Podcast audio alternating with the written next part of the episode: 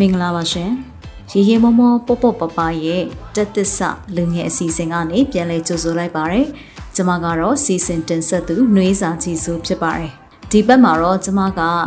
Daskin ခေါင်းဆောင်မှုမြင့်တင်ရေးတင်နန်းနဲ့ပတ်သက်ပြီးတော့မှရှောက်ထားကြဖို့အတွက်စိတ်ပါဝင်စားသူတွေကလာရောက်မေးမြန်းကြတဲ့ပုံမှာမူတည်ပြီးတော့မှတယောက်ချင်းစီရဲ့လိုအပ်ချက်နဲ့ကိုက်ညီနိုင်မဲ့အကြောင်းအရာလေးတွေကိုရေပုံရဆန်ဆန်ဝေဖန်သုံးသပ်ပြပေးမှာဖြစ်ပါတယ်။ဒါကြောင့်မို့လို့ 2023ခုနှစ်မှာ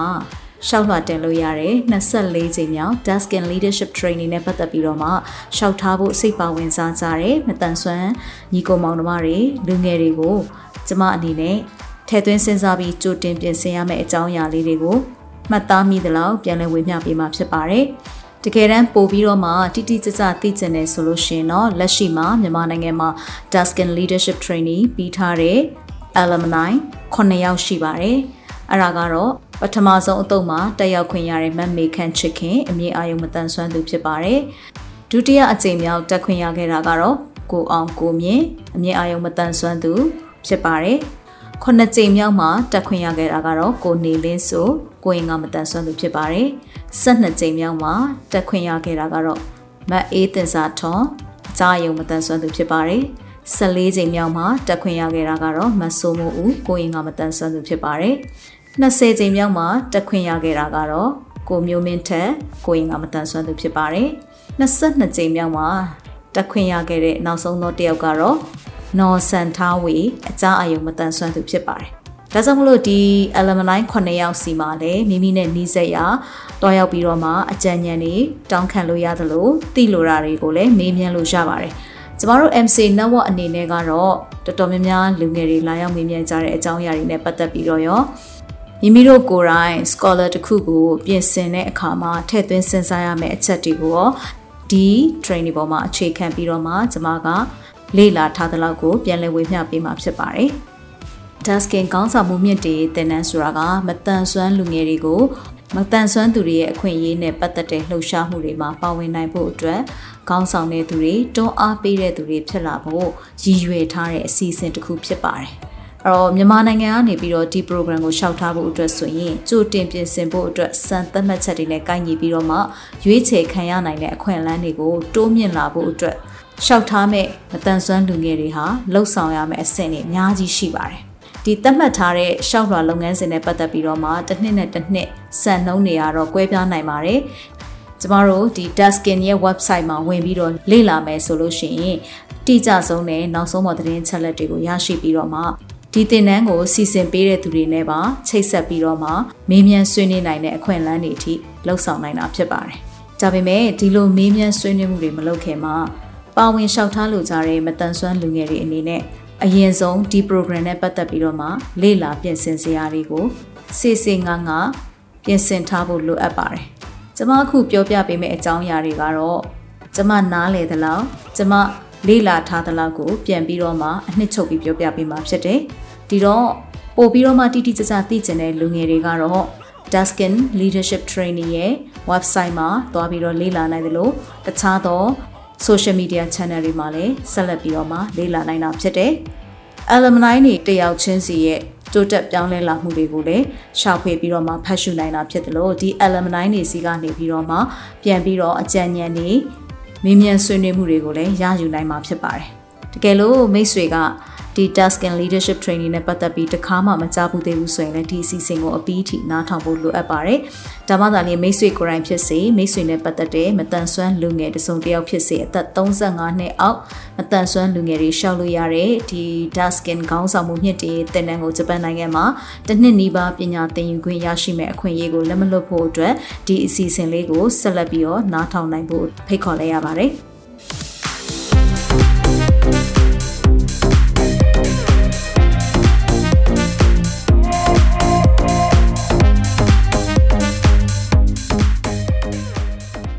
မင်္ဂလာပါခင်ဗျာရီမမောပေါ့ပပရဲ့အပတ်စဉ်ဗုဒ္ဓဟူးနေ့တိုင်းမှာတင်ဆက်နေကြဖြစ်တဲ့တက်သစ္စာလူငယ်ကဏ္ဍကနေကြိုဆိုလိုက်ပါတယ်ဒီ podcast ကတော့မြမလူမှုနယ်ပယ်ကစိတ်အားတက်ကြွပွဲဇလန်းအစုံကိုအများသူငါကိုမတန်ဆွမ်းမှုအသိပညာမြင့်တင်ပေးဖို့အတွက်လွတ်လပ်တဲ့တွေးခေါ်ဆင်ခြင်နိုင်မှုတွေနဲ့အတူမျှဝေလိုချသူတွေရဲ့အတန်တွေကိုပြုစုပြောထောင်ဖို့တည်ထောင်ထားခြင်းဖြစ်ပါတယ်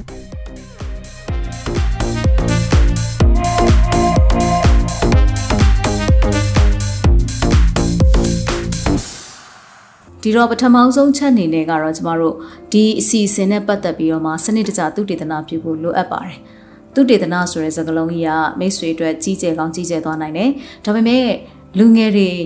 အထူးသဖြင့်ခေါင်းဆောင်မှုမြင့်တည်ရေးတင်နန်းကိုတွားရောက်ပြီးတော့တက်ကြမဲ့လူငယ်တွေအနေနဲ့သူတေသနာဆိုတာဟာလေတက်ကြွထားတဲ့နဲ့စံချိန်စံညွှန်းတရဖြစ်တယ်လို့ကျွန်မဆိုလိုချင်ပါတယ်။ဘာဖြစ်လို့လဲဆိုတော့ကိုကဒီ program တစ်ခုကိုရှောက်မယ်ဆိုလို့ရှိရင်ဒီသင်တန်းနဲ့ပတ်သက်တဲ့အစီအစဉ်တွေကဘယ်လိုပုံစံမျိုးတွေလဲ။ အဲ့တော့ဒီသင်တန်းအစီအစဉ်နဲ့ပတ်သက်ပြီးတော့မှ Taskin ကဘယ်လိုပုံစံမျိုးဒါကိုလှုပ်ဆောင်နေတာလဲ။သူတို့ရဲ့ပန်းနိုင်တွေကဘာတွေလဲ။သူတို့ရဲ့ရည်မှန်းချက်တွေကဘယ်လိုပုံစံမျိုးလဲ။ပြီးရင်အာရှကနေဒီလိုပါဝင်နိုင်ဖို့အတွက်ဆိုရင်သူတို့ရဲ့စံသတ်မှတ်ချက်တွေနဲ့ပြည့်မီဖို့အတွက်ကို့မှာဘလို့အရေးအချင်းတွေရှိဖို့လိုအပ်နေတယ်လေပြီးရင်ဒီရှောက်လွှာတင်ခြင်းလုပ်ငန်းစဉ်အတွက်ဆိုရင်တော်တော်လေးအချိန်ပေးရပါတယ်ဒီပါဝင်ဖို့အတွက်ရှောက်ထားလာကြတဲ့ သူတွေစီကနေသူတို့ကဘာတွေမျှော်မှန်းထားသလဲဆိုတာကိုကိုကစေးစေးငန်းငန်းနားလည်ထားဖို့လိုအပ်ပါတယ် The past is gone. Now's the future.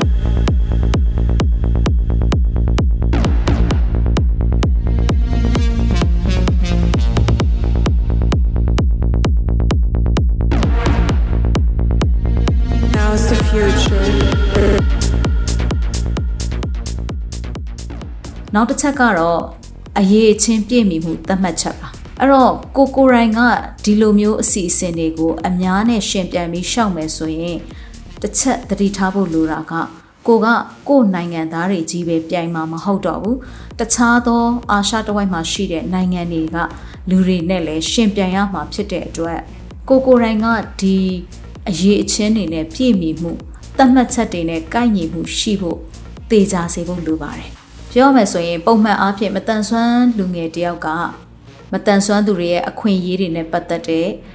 လှုပ်ရှားမှုတွေမှာဘလို့ပုံစံမျိုးစွမ်းဆောင်ထားသလဲဘလို့ပုံစံမျိုးပါဝင်ထားသလဲမတန်ဆွမ်းခွင့်ရေးနဲ့ပတ်သက်ပြီးဘလောက်ခိုင်ခိုင်မာမာဂရီးကဝတ်တွေနဲ့လုပ်နေတဲ့လုပ်ငန်းစဉ်တွေမှာထဲထဲဝင်ဝင်ပါဝင်ထားသလဲပုံမကောင်းမွန်တဲ့ဆက်သွယ်မှုစွမ်းရည်တွေကိုဘလို့ပိုင်ဆိုင်ထားသလဲကိုယ့်ရဲ့ရက်ရွာ ကိုယ့်ရဲ့လူမှုအတိုင်းအဝန်ကိုဘလောက်ပြန်ပြီးတော့မှအကျိုးပြုထားလဲဆိုတဲ့အချက်တွေကိုကိုကိုရိုင်းတတိချာချာသိဖို့လိုပါတယ်ဒီအချက်တွေမပြည့်စုံသေးဘူးဆိုရင်လေမိတ်ဆွေကအသက်35နှစ်မတိုင်မချင်းဒီအချက်လက်တွေကိုပြည့်စုံအောင် ဖြည့်ဆည်းလို့ရသေးတယ်ဆိုတာမမေ့ဖို့လိုပါတယ်။ဒါကြောင့်မလို့စစချင်းဒီ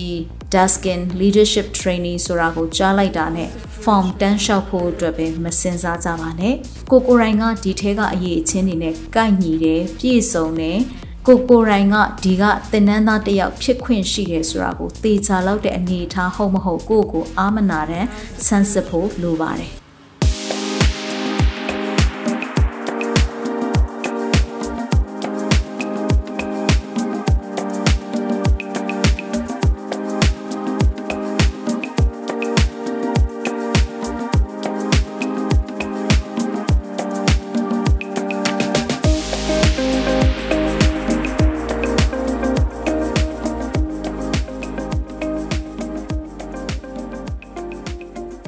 နောက်တစ်ခုကကြတော့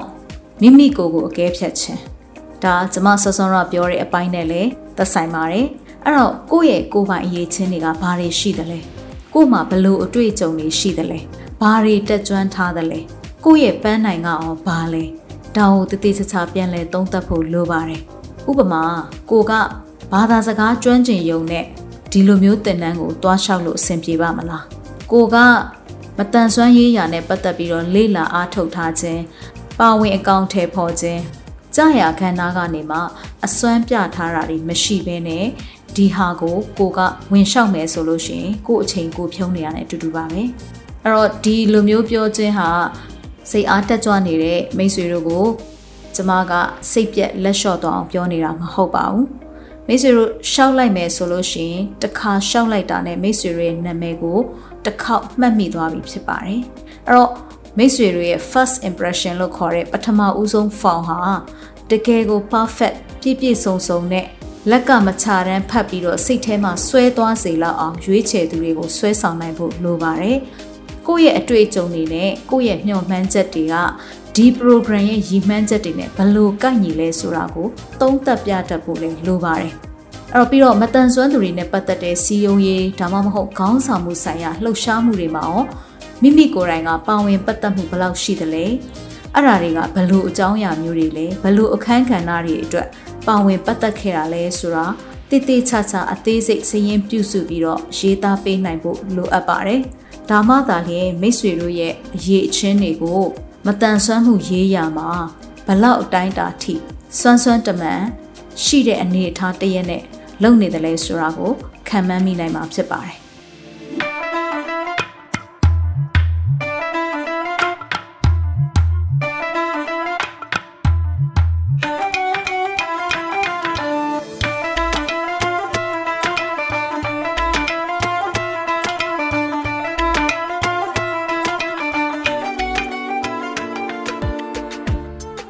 ဆောင်ရွက်စာတမ်းတွေစုဆောင်းဖို့ကလည်းအရေးကြီးတဲ့အချက်တစ်ချက်ဖြစ်ပါတယ်။အ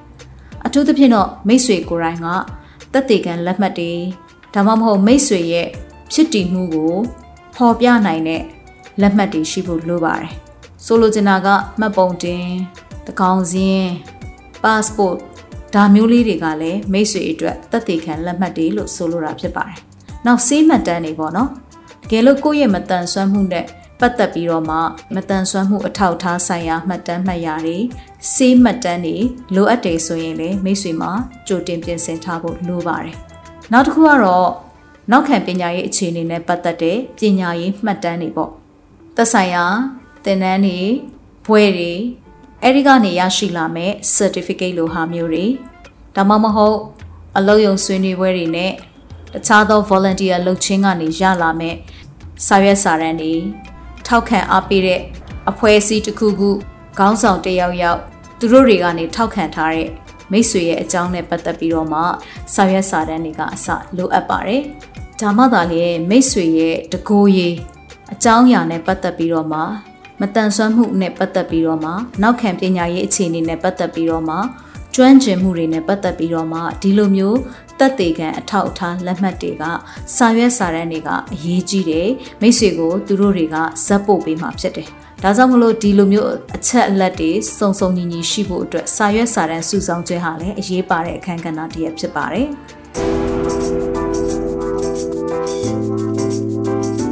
Keep on trying.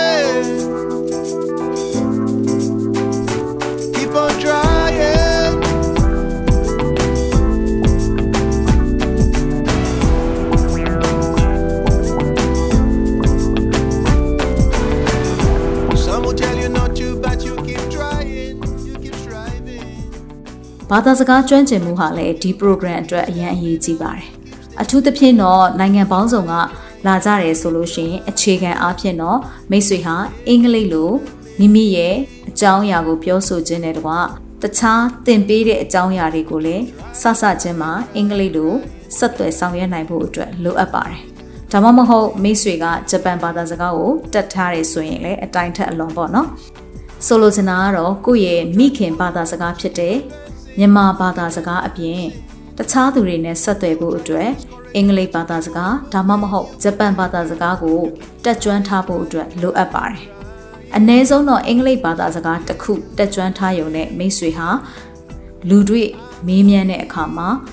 တယောက်တည်းလွတ်လွတ်လပ်လပ်ပွင့်ပွင့်လင်းလင်းပြောဆိုဆက်သွယ်နိုင်မှာဖြစ်ပါတယ်။ဒါကြောင့်မလို့ဘာသာစကားကျွမ်းကျင်မှုဟာလည်းလိုအပ်တဲ့ skills တရက်ဖြစ်တဲ့အတွက်ကြောင့်မို့လို့ဒီဘာသာစကားကျွမ်းကျင်မှုကိုသိကြစေဖို့လိုပါတယ်။တကယ်လို့ကိုကအခုဘာသာစကားကျွမ်းကျင်မှုအားနည်းနေသေးတယ်လို့ထင်ရင်လေအချိန်ရှိပါသေးတယ်35နှစ်မတိုင်မချင်းမိတ်ဆွေကဘာသာစကားတရက်ရက်ကိုကျွမ်းကျင်အောင်လုပ်ပြီးတော့မှထပ်လျှောက်ဖို့အတွက်စူးစမ်းလို့ရပါတယ်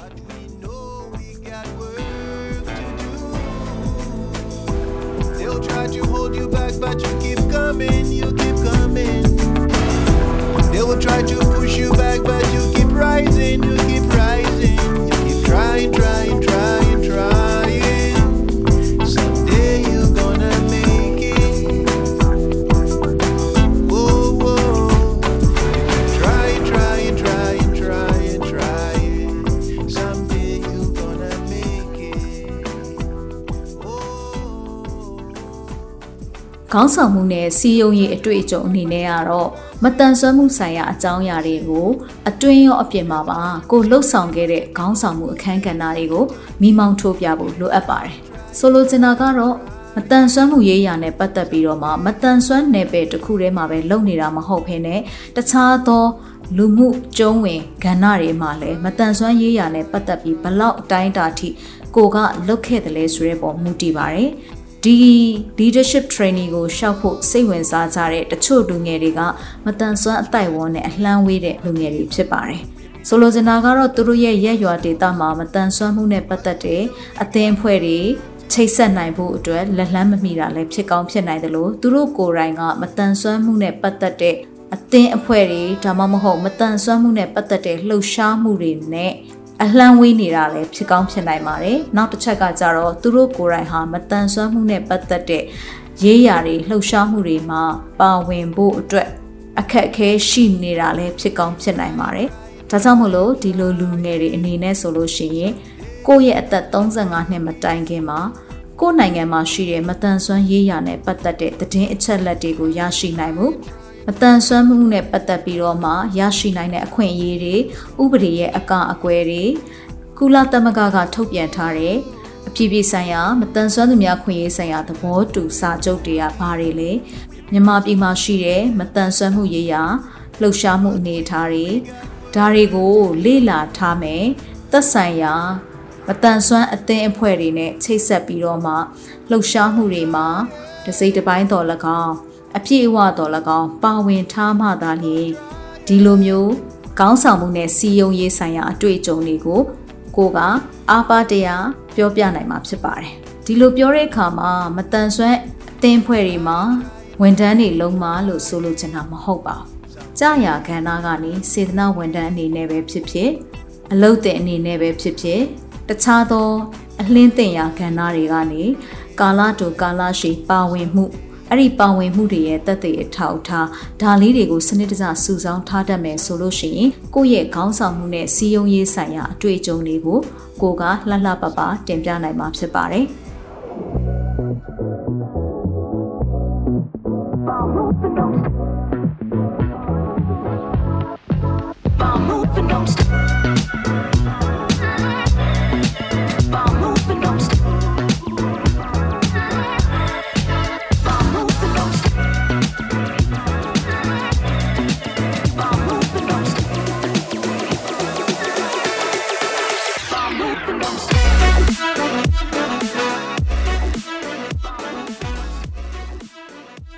ရဲ့ကိုရေးကိုယ်တာဖော်ပြချက်ဒါမှမဟုတ်အစီလို့ပြောလို့ရတဲ့အကြောင်းအရာတွေကိုလည်းကိုကစာစီကုန်းတက်ဖို့လိုအပ်ပါတယ်။အခုခေတ်မှာတော့ application တွေအများကြီးရှိပါတယ်။ဒီလိုမျိုးကိုယ့်ရဲ့အကြောင်းအရာကိုစာစီကုန်းဖို့အတွက်ကိုကိုယ်တိုင်ခက်ခဲရှိတဲ့ဆိုရင်နီးပေးလမ်းပြမယ် application တွေအများကြီးပေါ်ပေါက်နေပါပြီ။ဒါပေမဲ့လည်းကိုယ့်အကြောင်းကကိုယ်အသိဆုံးဖြစ်တယ်။ဒါကြောင့်မို့လို့ဒီတင်နန်းကိုကို့မှာဘလို့စိတ်အားထက်သန်မှုတွေနဲ့ရှောက်ထားတာလေကိုယ့်ရဲ့နောက်ခံ အခြေအနေကဘလို့ပုံစံရှိသလဲကိုယ့်ရဲ့ပန်းနိုင်ကအနာဂတ်ရည်မှန်းချက်ကဘာတွေဖြစ်မလဲပြီးရင်ဒီ program ကရောကိုယ့်ရဲ့စံနာတွေဒါမှမဟုတ်ကိုယ်အကောင့်ထဲပေါ်ခြင်းနဲ့အိမ်မက်တွေနဲ့ဘယ်လိုမျိုးကိုက်ညီမှုရှိလဲဆိုတာကိုတော့ထိထိမိမိရေးသားသုံးသပ်ပြဖို့လိုအပ်ပါတယ်။ဒါကြောင့်မလို့ဒီအခွင့်အရေးကိုအသုံးပြုပြီးမှကိုကဘာကြောင့်ဒီသင်တန်းနဲ့ထိုက်တန်နေဆိုတာကိုဟောထုတ်ပြသနိုင်ဖို့အရေးကြီးပါတယ်။ နောက်တစ်ခုကကြတော့ကိုယ်နိုင်ငံရဲ့ရည်မြေအနေထားနဲ့ပတ်သက်ပြီးတော့မှကိုယ့်ရဲ့ဖော်ထုတ်တင်ပြချက်တွေဟာလိုက်ရောညီထွေရှိဖို့လိုအပ်တယ်လို့ကျွန်မမြင်တယ်။ဘာဖြစ်လို့လဲဆိုတော့တစ်နှစ်နဲ့တစ်နှစ်ဖြတ်တန်းလာရတဲ့အနေအထားတွေမတူဘူး။ဒါကြောင့်မလို့ကိုလက်ရှိရင်ဆိုင်ကြုံတွေ့နေရတဲ့အနေအထားတစ်ခုနဲ့ပတ်သက်ပြီးတော့မှဘလို့ပုံစံမျိုးအနာဂတ်မှာအကောင့်ထဲပေါ်သွားမလဲအစပြုမလဲဆိုတာတွေကိုထိထိမိမိရေးသားနိုင်ဖို့လည်းလိုအပ်တယ်လို့ကျွန်မမြင်ပါတယ်။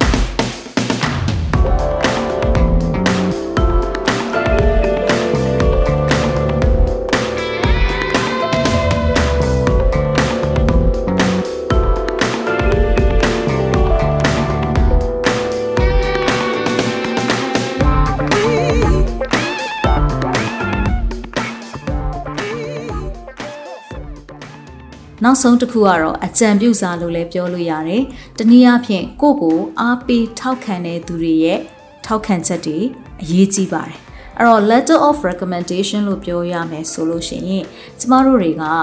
ကိုရီကိုထောက်ခံဖို့အတွက်အသင်းအဖွဲ့တွေခေါင်းဆောင်တွေ senior တွေ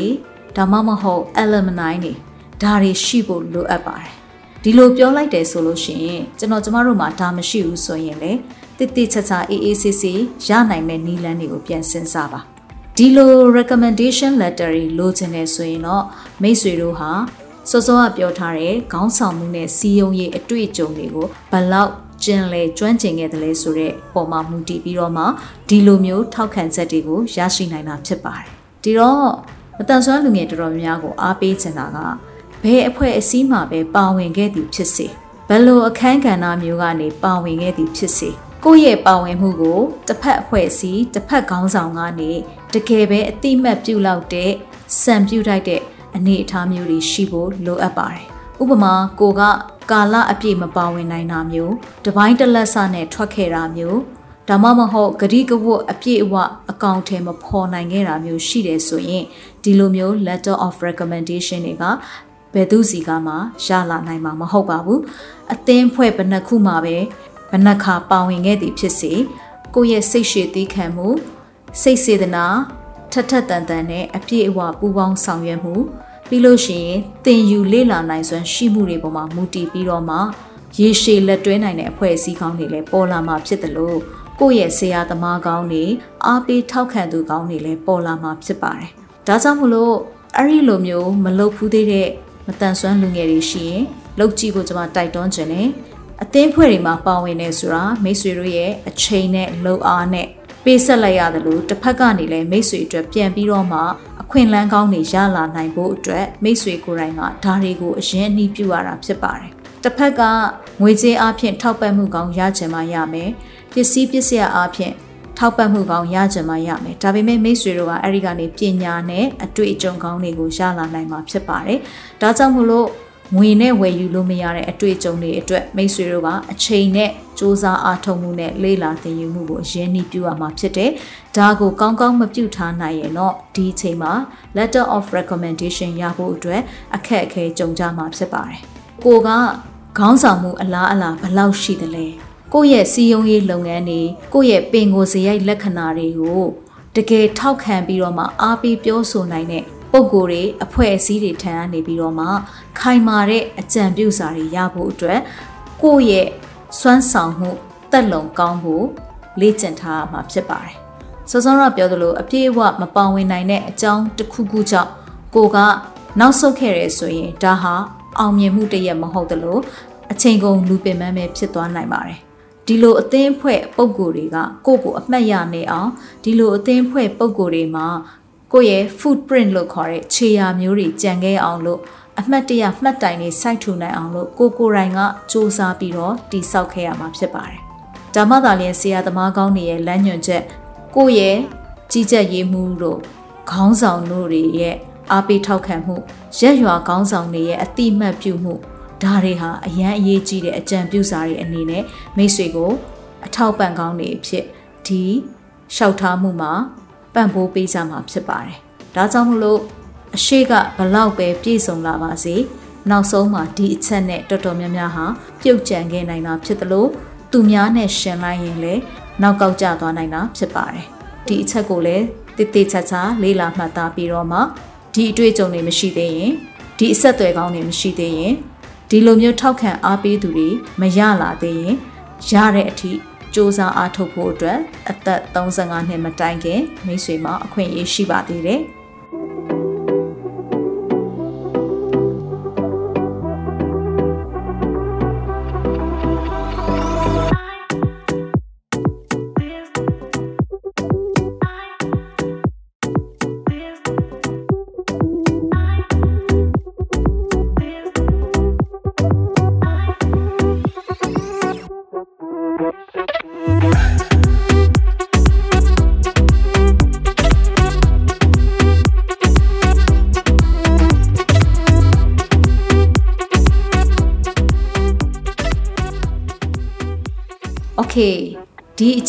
က်တွေအကုန်လုံးကိုကျမပြောပြသွားတဲ့အခါမှာဒီအချက်တွေအားလုံးပြည့်စုံပြီဆိုရင်တော့မိတ်ဆွေကရှောက်လွှာအတွက်စနစ်တကျပြင်ဆင်ပြီးသားဖြစ်ပြီလို့ကျွန်မယုံကြည်တယ်ဒီရှောက်လွာကိုရှောက်ပြီးတဲ့အခါမှာလေကိုကဒီတိုင်းထိုင်ဆောင်မနေပါနဲ့ရှောက်လွာတင်သွင်းမယ်ဆိုရင်လေ Duskin ဘက်ကပေးတဲ့ရှောက်လွှာလမ်းညွှန်ချက်တွေကိုလိုက်နာရမယ်။တတ်မှတ်ရက်ကို ဂယုဒီဇိုင်းနဲ့အချိန်မီပေးပို့နိုင်ရမယ်။လိုအပ်တဲ့စာရွက်စာတမ်းတွေကို attach ပေါ့နော်ပူးတွဲပြီးတော့ online ကနေပေးပို့တဲ့အခါမှာလည်းပေးပို့တဲ့နံပါတ်စင်ကအစအာပါဝင်ရမယ့်အရေးအတွက်အဆုံးပေါ့နော်အားလုံးတိတိကျကျနဲ့အချိန်မီပေးပို့နိုင်ဖို့လိုအပ်ပါတယ်မေးကြံတာမျိုးဂရီဂရီနဲ့တစ်ခုပြီးတစ်ခု email တွေတောက်လျှောက်လွှတ်နေတာမျိုးမဟုတ်ဘဲနဲ့စနစ်တကျပြင်ဆင်ပြီးတော့မှပေးပို့ဖို့လိုအပ်ပါတယ် အဲ့တော့ရှောက်လွာတွေတင်သွင်းပြီးသွားပြီဆိုရင်အင်တာဗျူးအတွက်လည်းကိုက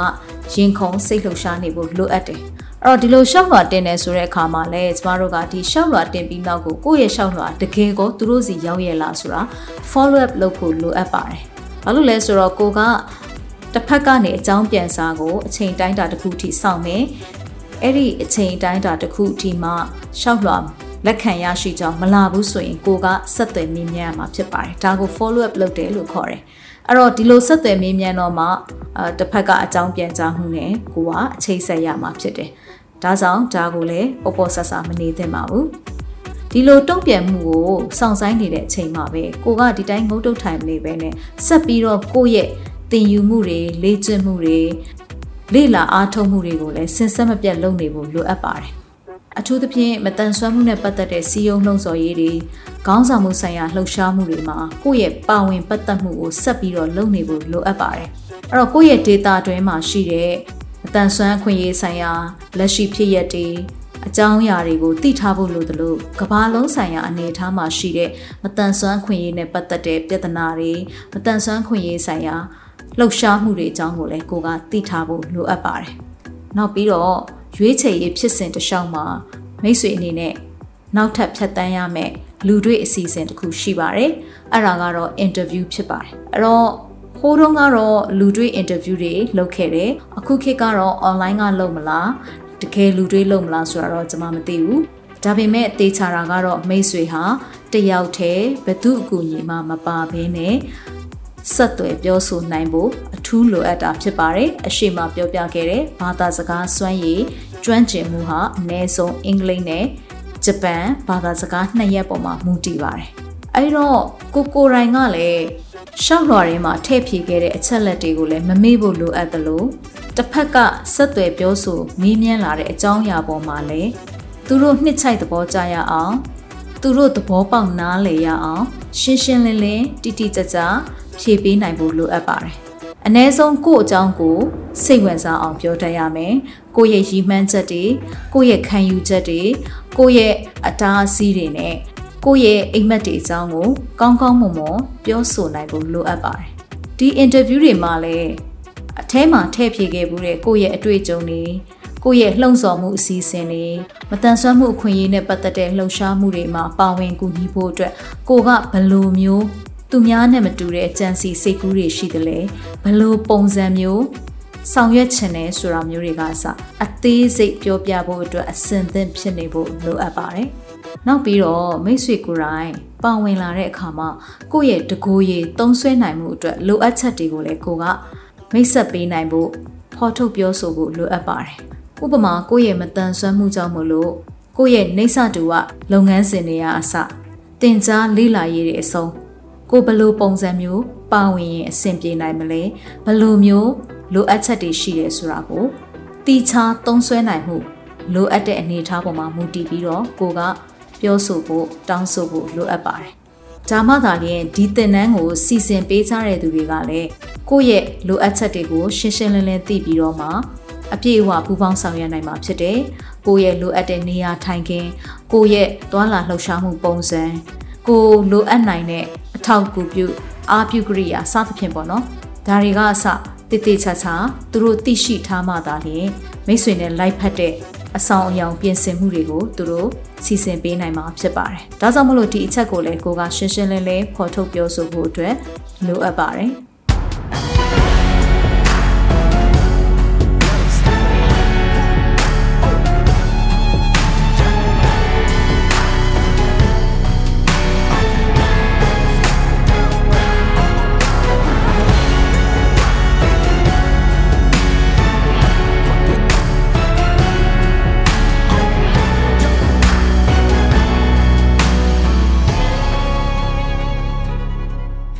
ဒီတော့အနှစ်ချုပ်အနေနဲ့သတိပေးချင်တာကတော့ form လျှောက်တယ်ဆိုတာလွယ်ပါတယ် form တစ်ခုဖြည့်ဖို့ဆိုတာလဲအချိန်အများကြီးမယူရဘူးလို့ရုတ်တရက်ထင်ရဖွယ်ရှိပါတယ်တကယ်တမ်းစစ်စစ်ဆက်ဆက်ပြင်ဆင်တဲ့သူတယောက်အနေနဲ့ဆိုရင်တော့ form တစ်စောင်ကို တွေ့တွေ့ချင်းကောက်ဖြည့်နိုင်မှာမဟုတ်ပါဘူးလိုအပ်တဲ့သတင်းအချက်အလက်တွေစာရွက်စာတမ်းတွေလှုပ်ရှားမှုဆိုင်ရာမှတ်တမ်းမှတ်ရာတွေစွမ်းရည်ဆိုင်ရာစီးရင်စရာတွေပြုစုပြီးတော့မှကိုကိုကိုကောင်းကောင်းသဘောပေါက်နားလည်မှ ဒီဖောင်ကိုဖြည့်လို့ရတာဖြစ်ပါတယ်။ဘာဖြစ်လို့လဲဆိုတော့မိတ်ဆွေကကြီးရင်းကလူတွေနဲ့ကြီးပဲအပြိုင်အဆိုင်ရှောက်နေတာမဟုတ်ပါဘူး။နိုင်ငံတကာကအတန်ဆွမ်းလူငယ်တွေနဲ့အပြိုင်အဆိုင်ရှောက်တာဖြစ်တယ်။ဒါကြောင့်မလို့ကြိုတင်ပြင်ဆင်မှုအားနည်းလို့မရပါဘူး။ဒီရှောက်လာလုပ်ငန်းစဉ်တွေကအပြိုင်အဆိုင်ဖြစ်တယ်လို့ပဲကို့အတွက်လိုအပ်တဲ့အထောက်အထားစာရွက်စာတမ်းအကြောင်းအရာတင်ပြမှုတွေကိုလည်းစနစ်တကျရေးသားပြုစုပြီးတော့မှတင်ပြဖို့လိုအပ်ပါတယ်။ မိတ်ဆွေရဲ့တင်ပြမှုတွေဟာမှန်ကန်တိကျဖို့လိုအပ်တယ်လို့ကိုဟာဘာကြောင့်ဒီသင်တန်းနဲ့ထိုက်တန်တဲ့သူတစ်ယောက်ဖြစ်တယ်ဆိုတော့ unique သူများနဲ့မတူတဲ့အချက်လက်တွေဟာမိတ်ဆွေမှာရှိနေတယ်ဆိုတာကိုထင်သာမြင်သာအောင်ကိုကိုကိုဟောထုတ်ပြသတတ်ဖို့အရင်အရေးကြီးပါတယ်။တချို့မတန်ဆွမ်းလူငယ်တွေကကျမတို့စီမှာလာပြီးတော့အားပေးထောက်ခံဖို့အတွက်အကူအညီလာတောင်းကြပါတယ်ကျမတို့ MC network မှာအထူးသဖြင့်လက်ရှိခေါ်နေတဲ့ intern အလုပ်တင်တဲ့ talent တွေအဖြစ်အနည်းဆုံးလေ့ကျင့်သင်ယူမှု3လနဲ့ပါဝင်တင်ဆက်မှု6လစုစုပေါင်းတစ်နှစ်ပါဝင်ထားမှသာလျှင်ကျမတို့အနေနဲ့ recommendation letter ထုတ်ပေးမှာဖြစ်ပါတယ်။တကယ်လို့အဲ့ဒီထဲမှာတစ်နှစ်တိအပြည့်မပါဝင်နိုင်ဘူးဆိုလို့ရှိရင်ကျမတို့အနေနဲ့ကထုတ်ပေးဖို့အတွက်အဆင်သင့်ဖြစ်အောင်မှာမဟုတ်ပါဘူး။ဒါကြောင့်မလို့ဘယ်အဖွဲ့အစည်းမှာပဲဖြစ်စေ သက်ဆိုင်ရာအဖွဲ့အစည်းတွေမှာသတ်မှတ်ထားတဲ့အချိန်ကာလပူးပေါင်းပါဝင်ရမယ့်တာဝန်ဝတ္တရားလေ့လာသင်ယူရမယ့်ပညာရက်တွေကိုစနစ်တကျလှုပ်ထားနိုင်မှသာလျှင်ထောက်ခံအားပေးမှုဆိုတာကိုစာရွက်အားဖြင့်တော့၎င်းအဆက်အသွယ်ကိုရေးအချက်လက်အားဖြင့်တော့၎င်းတစ်ဖက်ကနေပြန်လည်ပြီးတော့မှရရှိလာနိုင်မှာဖြစ်ပါတယ်။ဒါကြောင့်မလို့ဒီအချက်ကိုမမေ့သင့်ပါဘူး။လက်ရှိကာလမှာအသက်35နှစ်မပြည့်ကြသေးတဲ့မတန်ဆွမ်းလူငယ်တွေအနေနဲ့ ဘယ်သူမဆို MCA network မှာပူးပေါင်းပြီးတော့မှဗီဒီယိုအားဖြင့်တော့၎င်းအတန်အားဖြင့်တော့၎င်းတင်ဆက်ဖို့အတွက်စိတ်ပါဝင်စားကြသူတွေရှိတယ်ဆိုလို့ရှိရင်ကျမတို့စီမှာလာရောက်ပြီးတော့မှတင်နန်းတွေကိုရှောက်ထားနိုင်ပါတယ်ပူးပေါင်းဆောင်ရွက်ပြီးတော့ဖန်တီးနိုင်ပါတယ်သတ်မှတ်ထားတဲ့တစ်နှစ်နဲ့အထက်ရေရှည်လက်တွဲတဲ့သူတွေကိုကျမတို့အနေနဲ့အချိန်မရွေးထောက်ခံအားပေးမှုအချက်လက်တွေနဲ့ စာရွက်စာတမ်းတွေကိုထုတ်ပေးမှာဖြစ်ပါတယ်။ဒါကြောင့်မို့လို့မိတ်ဆွေတို့အနေနဲ့ရှောက်လွှာလုပ်ငန်းစဉ်တွေမှာပါဝင်တဲ့အသေးစိတ်အချက်လက်လေးတွေတစ်ချက်ချင်းစီကအစအထူးသတိထားပြင်ဆင်ဖို့လိုအပ်တယ်လို့ဟောင်းလောင်းကြီးဘာမှမရေးပဲထည့်ပေးလိုက်တာမျိုးမလုပ်ဖို့လည်းအထူးသတိပေးလိုပါတယ်။အများနဲ့ရှင်ပြန်ရှောင်းရတဲ့အလုပ်ဖြစ်တဲ့အတွက်မိတ်ဆွေကိုယ်တိုင်ကဒီအချက်လက်တွေမပြည့်စုံသေးရင်ဒီနှစ်မှာမလျှောက်ဖဲနဲ့ နောက်နှစ်တွေမှာအရှိန်ယူပြီးတော့စ조사ပြင်ဆင်ဖို့အတွက်လည်းကျွန်မတိုက်တွန်းခြင်းနဲ့မိတ်ဆွေဟာမတန်ဆွမ်းအတိုက်ဝန်းအတွက်အလင်းတပွင့်ဖြစ်ကြောင်းခေါင်းဆောင်ကောင်းတစ်ယောက်ဖြစ်ကြောင်းကြာရအခန်းကဏ္ဍကနေလေလာသင်ယူစီးပွားရေးနဲ့လူမှုအကျိုးပြုလုပ်ငန်းတွေမှာပါဝင်နေတဲ့ဆိုတဲ့အကြောင်းပြနိုင်ဖို့အတွက်ကောင်းဆုံးအချိန်ယူပြင်ဆင်ဖို့လိုအပ်တယ်ဆိုတာကိုအနှစ်ချုပ်ပြောချင်တာဖြစ်ပါတယ်မိတ်ဆွေတို့အားလုံး Duskin Leadership Training ရှောက်ကြမဲ့သူအားလုံးတကယ်ပဲ ကံကောင်းကြပါစေလို့ကျွန်မဆုတောင်းပေးလိုက်ပါတယ်ရှင်။